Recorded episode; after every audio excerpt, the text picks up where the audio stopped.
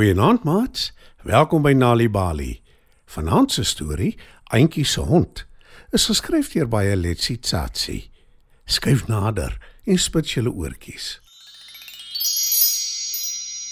Auntie is 'n vrolike en gelukkige dogter.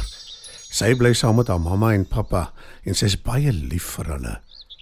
Mamma en pappa gaan elke dag in die week na hulle werkplek toe. Dan gaan Auntie skool toe. Smiddag bring sy in die naskoolsentrum deur. Sy het baie maats en hou van haar skool. Sy hou ook baie van haar juffrou. Maar alles, haar hele lewe, gaan binnekort heeltemal verander en nie net haar nie, die hele wêreld sin. En dis hoe dit gebeur. Een aand, nadat hulle klaar geëet het en Antjie haar skoolboeke in haar tas pak vir die volgende dag, onthou sy sy moet geld skool toe vat vir klasfoto's. Mamma, mag ek asseblief? Begin sy haar mamma vra. Maar mamma val haar in die rede. Nee nou nie, Antjie. Antjie kyk verbaas na mamma en wonder hoekom sy skielik so kwaai is. Sy weet sy het niks verkeerd gedoen nie. Net toe kom pappa nader en hy sê: Die president maak vanaand 'n belangrike aankondiging. Antjie wil na haar kamer toe gaan, maar mamma en pappa keer haar en sê sy moet saamluister. Dit gaan haar ook raak. Sy gaan sit tussen haar ouers op die rusbank. Mamma en pappa hou haar hande vas en die president begin praat.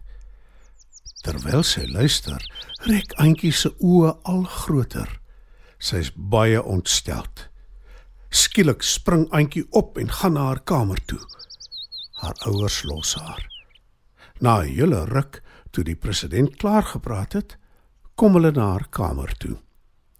Sy lê op die bed met die kussing oor haar kop. Mamma haal die kussing af en begin verduidelik. Daar is 'n virus in ons land wat baie mense siek maak. Dis baie gevaarlik. En dis die hele wêreld vol. Voeg pappa by. Toe verduidelik haar ouers vir Auntie dat daar grendeltyd ingestel is. Hulle moet van nou af by die huis werk. En Auntie kan nie meer skool toe gaan nie, want skole, werkplekke, restaurante en meeste winkels is nou gesluit. Auntie kyk ontsteld na haar ouers en vra: Vir hoe lank? Niemand weet nie. Dit hang af hoe vinnig die COVID-19 virus versprei. Antwoord mamma en pappa troos. Moenie bekommerd wees oor skool nie. Jou juffrou sal al die leerwerk stuur en ek en mamma sal jou help. Auntie knik haar kop. Wat sy eintlik wil sê is, sy gaan eensaam wees sonder haar maats en haar juffrou in die skool. Maar sy weet sy moet nou dapper wees, want die nare virus raak almal se lewens, nie net hare nie. Die volgende dae en weke sleep verby. Auntie se ouers kom agter sy word al hoe meer hartseer. Maar toe op 'n dag verander alles. Auntie hoor iets in die kombuis. Kan dit wees? Wonder sy en draf soontoe. En ja, so waar, dit is 'n klein hondjie, Ons het vir jou 'n maat gekry sodat jy nie meer so alleen is nie. sê mamma. Auntie kan haar oë nie glo nie, Dankie mamma, dankie pappa. sê sy. Wat gaan jy hom noem? Vra mamma, Ek weet nog nie. antwoord Auntie. Sy vat die hondjie na haar kamer toe en wys vir hom al haar speelgoed. Daarna gaan speel sy saam met hom in die tuin. Die dag gaan vinnig verby. Terwyl Auntie besig is met haar skoolwerk, sit die hondjie choopstil langs haar en hou haar dop. Ek moet nog aan 'n naam dink vir jou. sê Auntie vir haar viervoetige maat. Sy maak die laaste skoolboek oop en sê: Nog net geskiedenis. Ons leer van ons beroemde vorige president Nelson Mandela. Almal in die wêreld ken sy naam.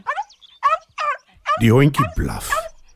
En toe kyk hy reguit na Auntie en sê in 'n diep stem: Weet jy waar hy gebly het toe hy jonk was? Auntie kyk verbaas na die hondjie en sê: Jy kan praat. O ja, "Antwoord hy." En voeg by: en ek hou van geskiedenis. Veral ons Suid-Afrikaanse geskiedenis. Auntie kan haar geluk nie glo nie. Ek is baie lief vir my juffrou en ek verlang na haar. Maar nou kan jy my help met my geskiedenislesse. Vertel my waar Nelson Mandela gebly het asseblief. sê sy. Orlando Wes in Soweto. Antwoord haar hondjie. Orlando. Orlando. Hoekom klink dit so bekend? Sê Auntie en die hondjie antwoord. Jy dink seker aan die Orlando torings. Ja. Hulle is pragtig geverf met die helderste kleure. Sê Auntie. Die torings was eers deel van 'n kragstasie. Maar toe word hulle storietorings toe mense op hulle begin verf. sê die hondjie. Auntie was lanklaas so opgewonde. Sy kyk na haar hondjie en vra. Is jy 'n towerhond? Hy lag en antwoord.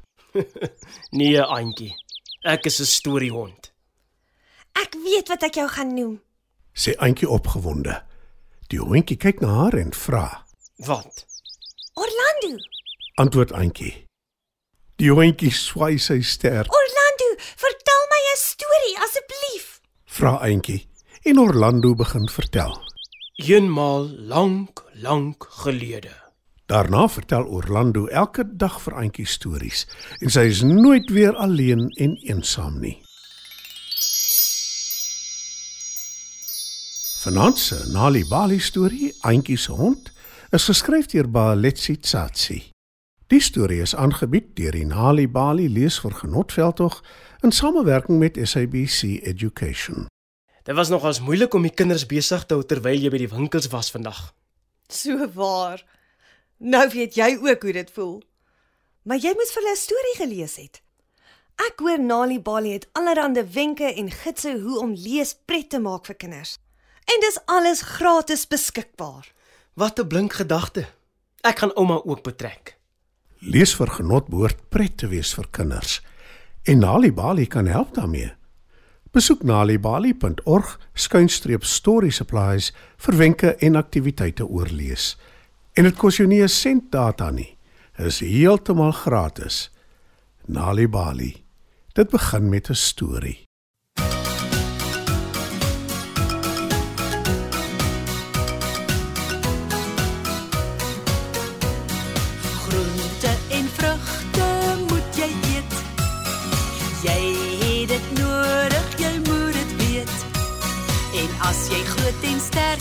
Gesond wil word, eet al die groente en die vrugte op jou bord. Groente en vrugte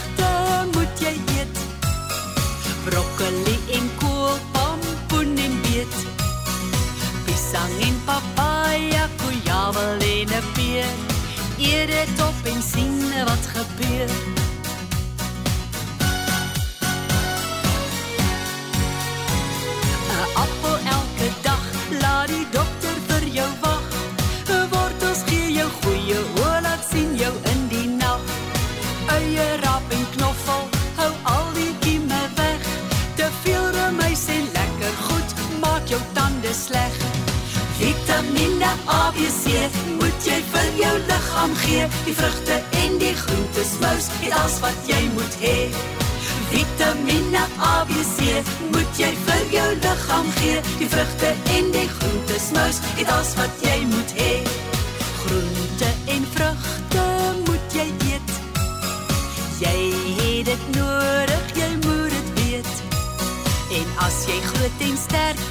gesond wil word, eet al die groente en die vrugte op jou bord. Groente en vrugte moet jy eet. Broccoli en kool, pompoen en beet. Pisang en papaya, koeiawel en 'n peer. Eet dit op en sien wat gebeur.